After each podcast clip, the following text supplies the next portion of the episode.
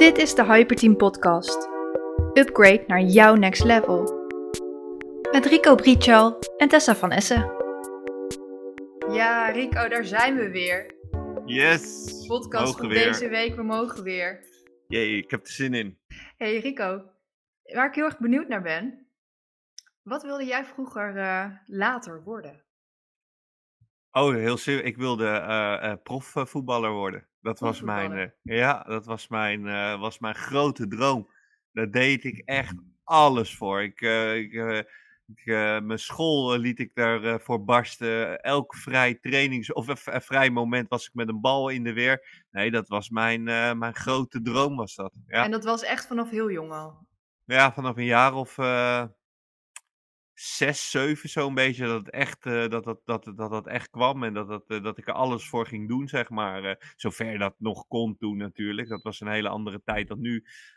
Maar nee, dat was echt nog steeds, als ik daaraan terugdenk, was dat iets waar ik nog steeds passie bij voel. Ja, ik zat laatst van die vriendinnenboekjes door te lezen. En toen kwam ik van mezelf ook tegen. En overal stond er mama. Dat ik later mama wilde worden. Nou, eh, gelukt. Check the box, ja zeker. Ja, ja. ja, ik, eh, ik zat eraan te denken van, hey, wanneer ontstaat het eigenlijk? Hè? Dat je na gaat denken over doelen in je leven. Of dat je je, je, ja, je leven eigenlijk wat meer vorm gaat geven. En, en wat, wat gebeurt er in jouw jeugd? Hè? Want ik, ik herinner me er dus dat ik eh, dat vriendinnenboekje eigenlijk invulde. Nou ja, dan weet je eigenlijk nog heel weinig over het leven. Dus het is heel logisch dat je dan misschien een, een mama of iets dergelijks invult. Maar het interessante is dat er toch wel vrij snel in je jeugd, dat je dan toch al iets gaat, eh, gaat najagen. Een doel wat je later wil worden. Want blijkbaar is dat belangrijk, een baan vinden. En ik zie dat heel veel mensen, nou jij was dan een profvoetballer. eh, maar dat heel veel mensen toch ook bijvoorbeeld een, een baan najagen zoals hun, hun ouders dat doen bijvoorbeeld. Herken je dat? Ja, dat herken ik zeker. Ik denk als ik kijk naar, eh, en ga maar eens na naar, naar kinderen. Eh, kinderen die, eh, die eh, zien een cadeautje wat ze willen hebben, of een, tegenwoordig is het bijna allemaal digitale dingen natuurlijk, maar ze willen iets hebben. En dan eigenlijk zie je dat het brein volledig gefocust raakt op dat, nou, zeg dat het een rode fiets is. Dat brein is alleen maar bezig. Overal zien ze dat rode fietsje. Ze willen dat rode fietsje. En oh, papa, mama, ik vind het zo'n mooi fietsje. En je ziet dat ze daar zo mee bezig zijn. En wat doen we uiteindelijk op dat moment als ouders? Dan ga je die droom ga je realiseren. En ehm, ergens gaandeweg ga je dat als ouders weer slopen. En dan ga je zeggen van nee, ja, je dromen, eh, hè, dan ga je dat eigenlijk een soort van eh, minimaliseren. En dan moet het concreter worden. En dan eh, moet het ambitieuzer worden. En terwijl de visualisatie en de kracht daarvan bij kinderen is echt sky high. En ik zeg dus ook heel vaak tegen onze coaches van word weer een klein beetje een kind. Want daar zitten nog zoveel kansen in om je, om je dromen waar te maken. En nu zie je inderdaad dat heel veel mensen eh, dromen najagen die heel vaak van een ander zijn. En dat is, eh, dat is uiteindelijk niet waar je passie zit. Ja, dus het is eigenlijk dat ze een doel integreren. eh, zonder dat ze daar zelf het vuur voor voelen. Nou, eh, kijk, op het moment dat je inderdaad bijvoorbeeld kijkt naar ouders die eh, kinderen stuwen om een bepaalde kant op te gaan. Hè, eh, laten we even zeggen dat je een tandarts bent en je kind wil je ook die richting op duwen. Want het heeft bij jou een bepaald succes opgeleverd. Maar eh, door het zo eh, te, die kant op te duwen, wil niet zeggen dat het kind daar eh, alle motivatie uit gaat halen. Of de passie gaat voelen die jij daarbij voelt. Ja. Het kan misschien wel zekerheden op gaan leveren, maar het moet ook een stukje passie bij komen, omdat je het wel moet voelen dat je iets wil gaan doen. En dan zie je wat het, wat het pas gaat doen op een later moment. Dat ze met iets bezig zijn waar ze geen interesse in hebben. En dan gaan de kantjes eraf gelopen worden. Dat is een heel logisch gevolg. Ja, maar is het, het is ook een beetje je referentiekader. Hè? Dus op het moment dat jij opgroeit in een bepaalde omgeving, is het ook een hele normale omgeving op dat moment om ook in door te gaan.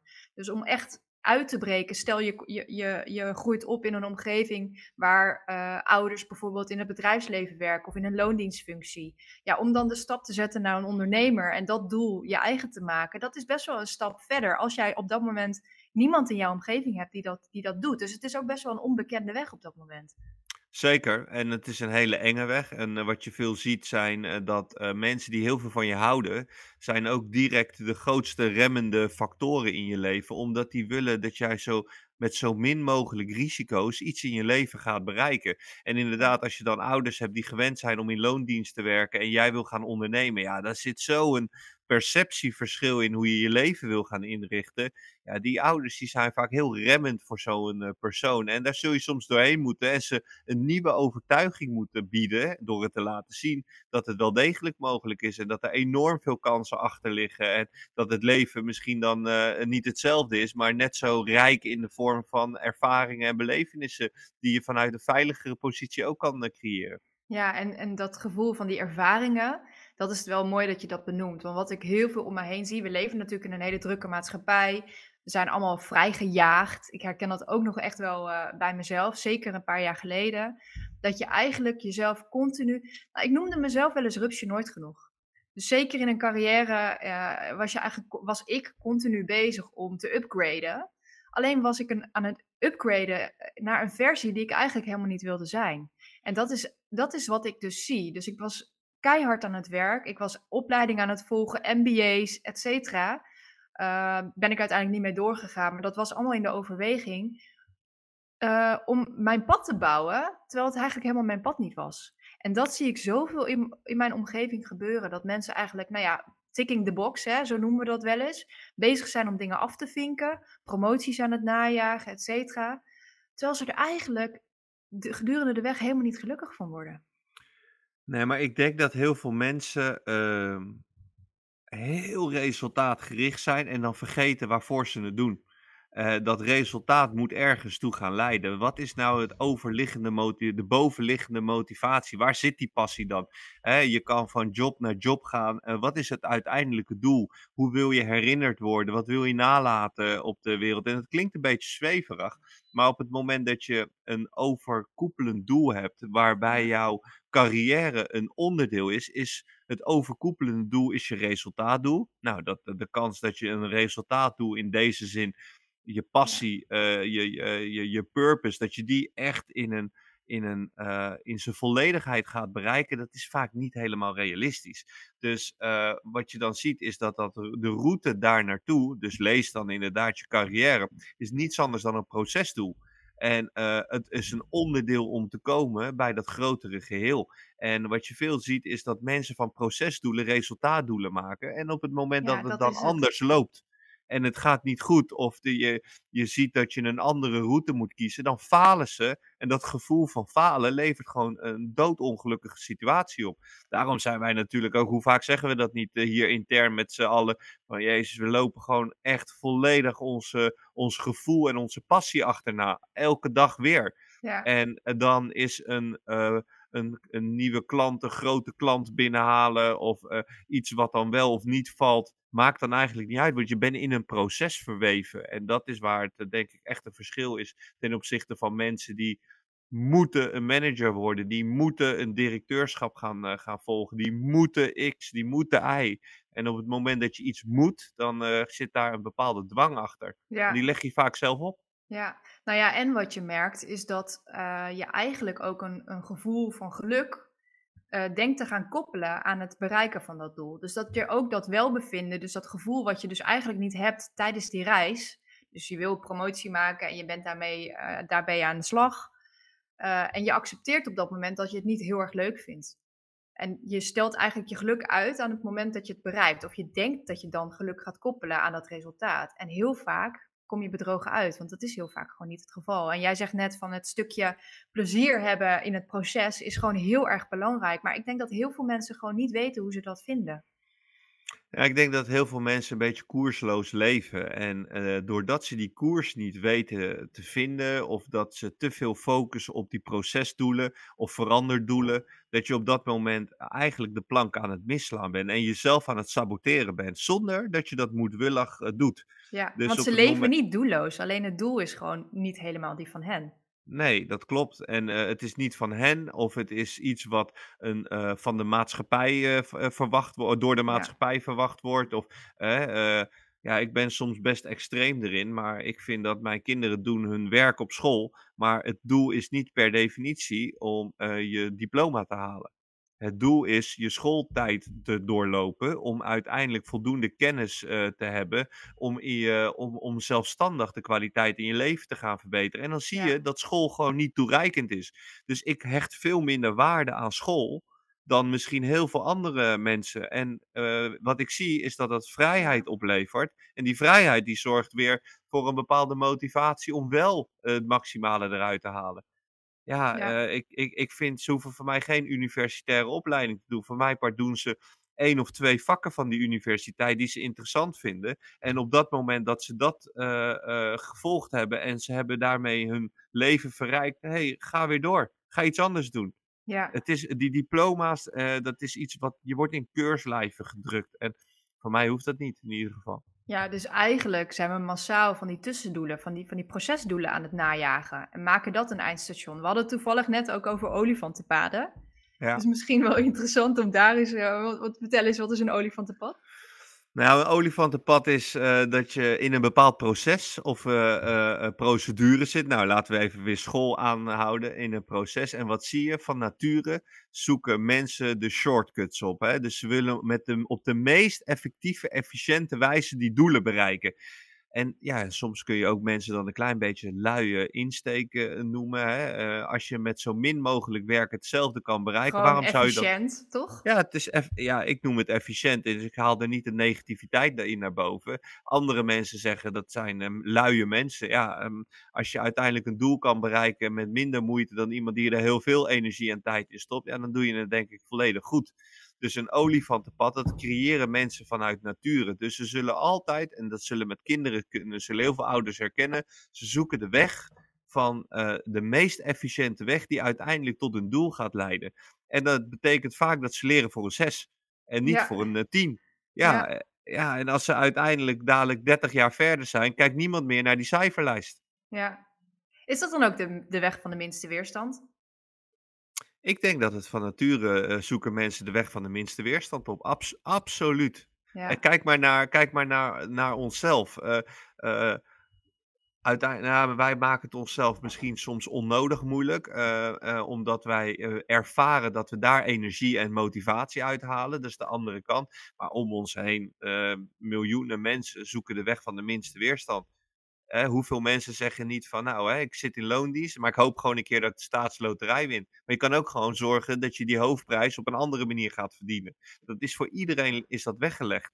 En hoe iedereen die zegt van niet, is niet waar. Je denkt het, omdat je in een keurslijf zit.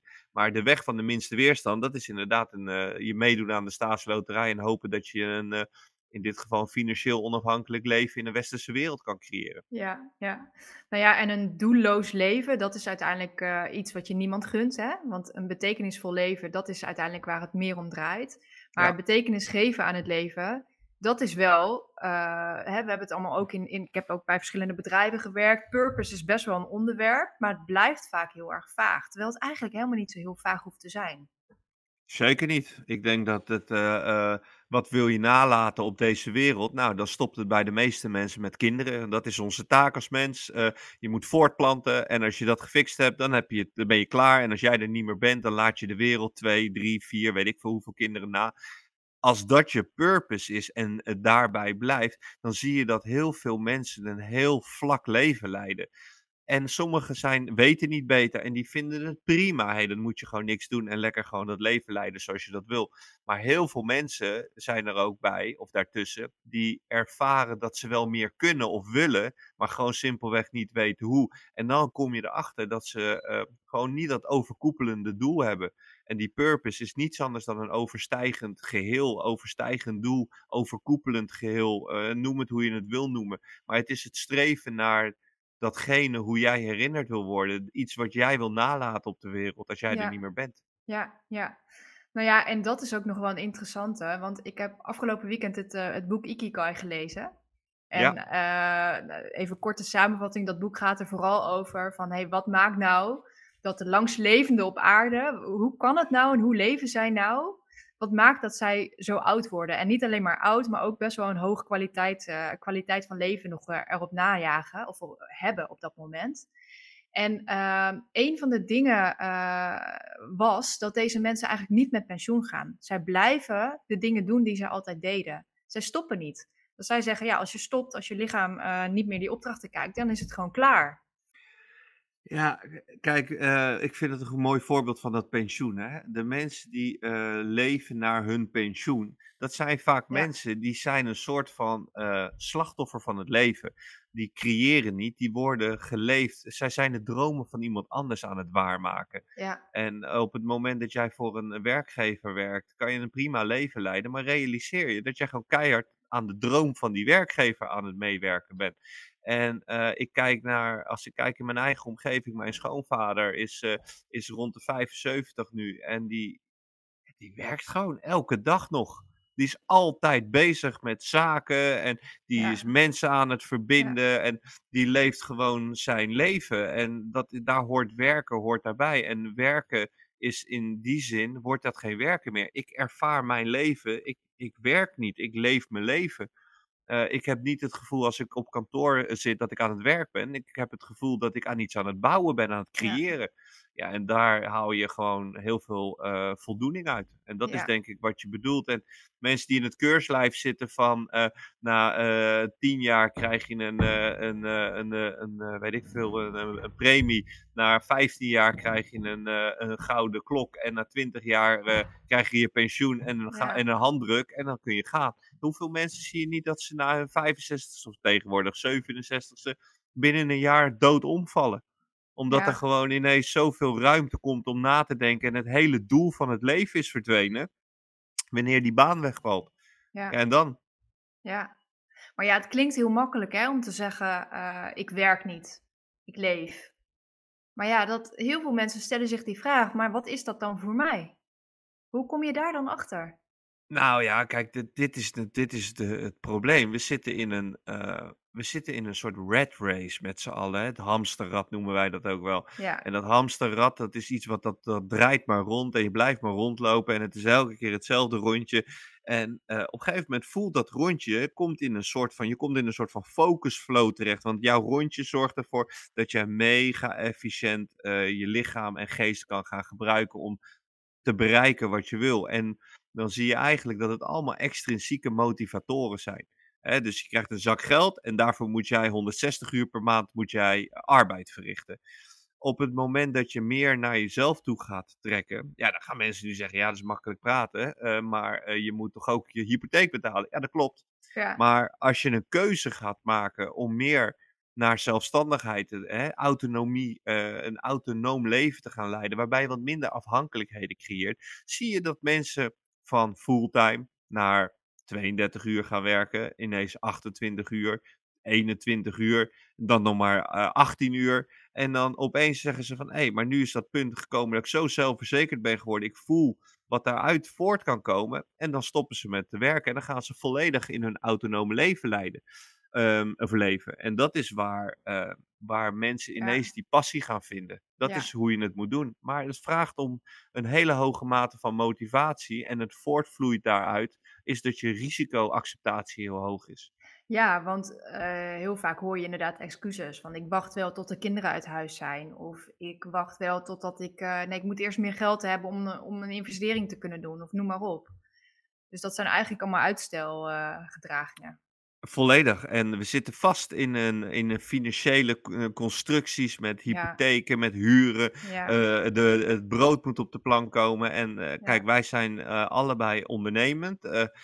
Ja, ik zorg gewoon dat er. Ik kijk niet naar maandsalarissen, ik kijk naar jaarinkomen. Ja. en ik kijk naar waar ben ik nu mee bezig, waar ik over vijf jaar een bepaald aantal ambities mee kan bereiken. En ik ben voortdurend veel verder aan het denken dan naar de dag van morgen.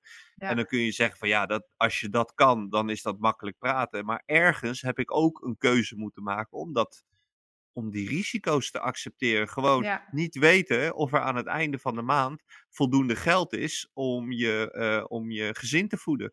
En mijn ervaring is, als die urgentie zo hoog is, ja, dan gaat, er, gaat Ja. alles komt op je afvliegen. Ja, en dat is dus ook wel interessant, want heel veel mensen maken het een urgentie door bijvoorbeeld ziek te worden. Door bijvoorbeeld, nou ja, burn-out eh, is best wel een modewoord, maar in ieder geval zo, het zo ver te laten komen dat ze zo vermoeid zijn of dat ze zich zo ellendig voelen, dat dan in één keer, hè, eh, kneeling down, dat ze dan een urgentie hebben.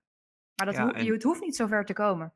Zeker niet. Alleen het, het vraagt om wilskracht. Het vraagt om een hoge mate van stressbestendigheid. Het vraagt om een, die hoge risicoacceptatie. En dat zijn allemaal directe gevolgen van motivatie. En op het Ja, moment dat je dat dus niet hebt en je zit in de red eh, of in het hamsterrad.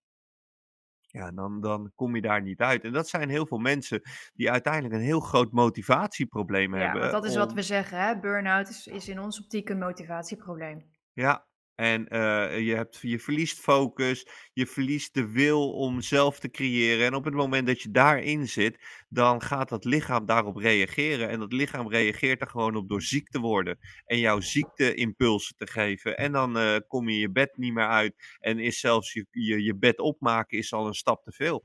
En eh, die mensen, het enige hoe we die mensen, eh, we hebben een aantal van die cliënten natuurlijk in ons, in ons bedrijf rondlopen als klant. En die, die zeggen ook gewoon van, joh, eh, we zijn op zoek naar wat vind je nou wel leuk? En wat kan je wel, in plaats van wat kan je allemaal niet?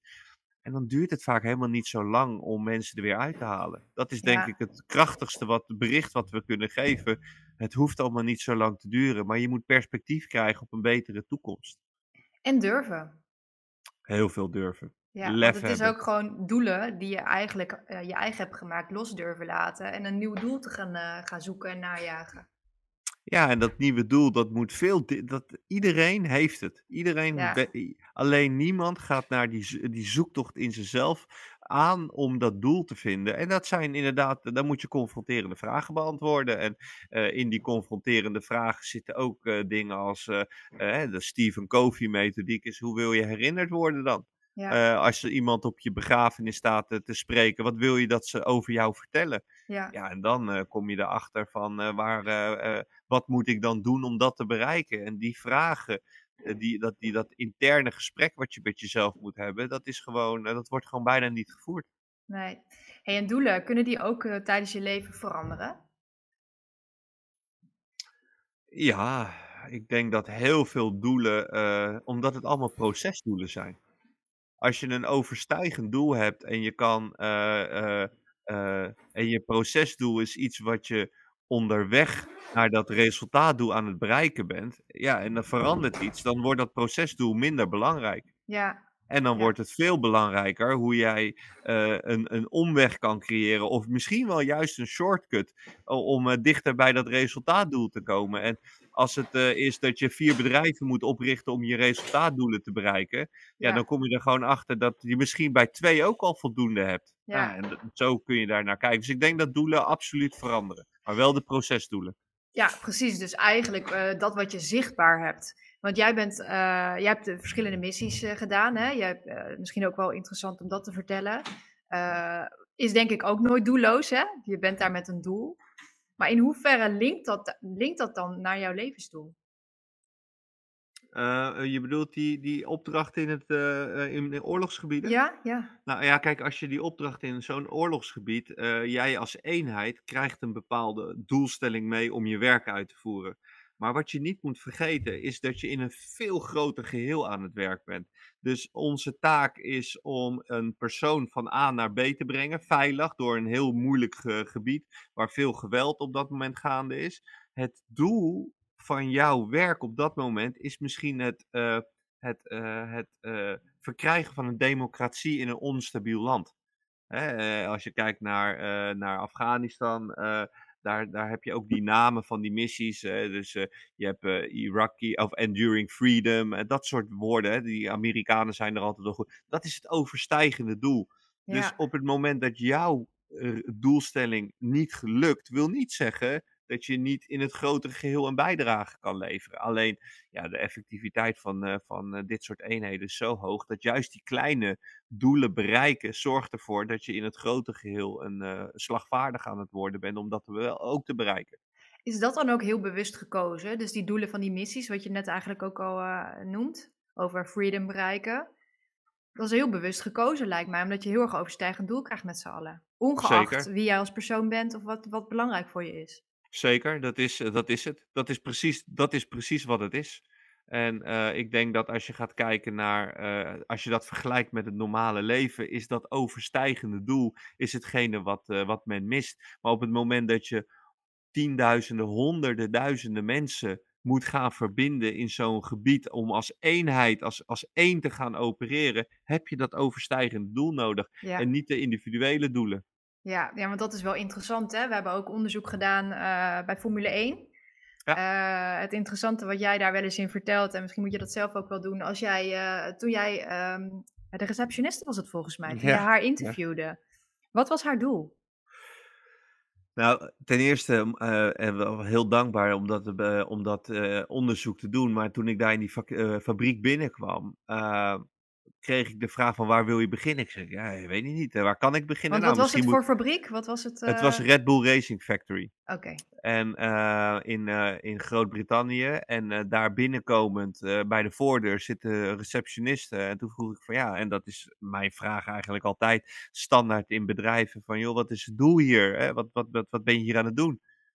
Toen keek ze me echt zo aan. Ik, ik ben maar met één ding bezig. Dat is wereldkampioen worden. En toen dacht ik, wow. En dan krijg ik elke keer weer kippenvel van als ik daaraan terugdenk. Dus iedereen in die organisatie, eh, we praten echt over een organisatie van 1500 mensen plus, die is maar met één ding bezig. En dat is eh, wereldkampioen worden. En haar taak daarin is de telefoon binnen twee keer opnemen. Punt. Daarmee bereikt zij iets.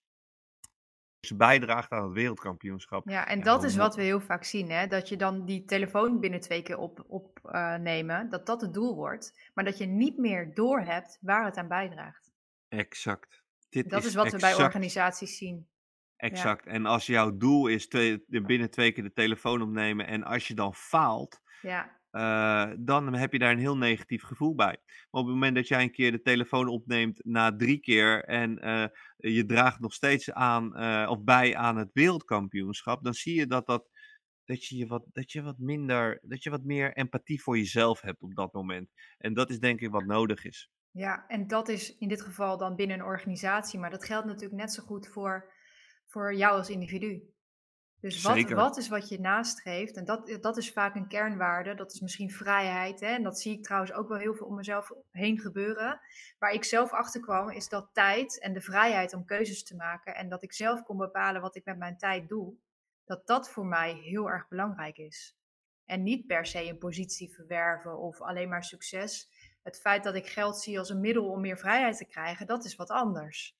Maar heel Ja. veel mensen die, die gaan echt puur dat salaris najagen of omzetdoelstellingen. Dat ze dat echt als, als doel eh, hebben. Terwijl ik bij mezelf dus heel erg zie, en ik zie dat bij heel veel mensen om me heen. Vrijheid is bijvoorbeeld een heel belangrijk kernelement. Wat voor heel veel mensen ook geldt. Kijk wat er gebeurt toen het een beetje weggenomen werd door alle maatregelen van dit moment. Ja, nou, ik denk dat eh, de belangrijkste vorm van intrinsieke motivatie is een cocktail van eh, het hebben van een overstijgend doel, zelfstandigheid, autonomie.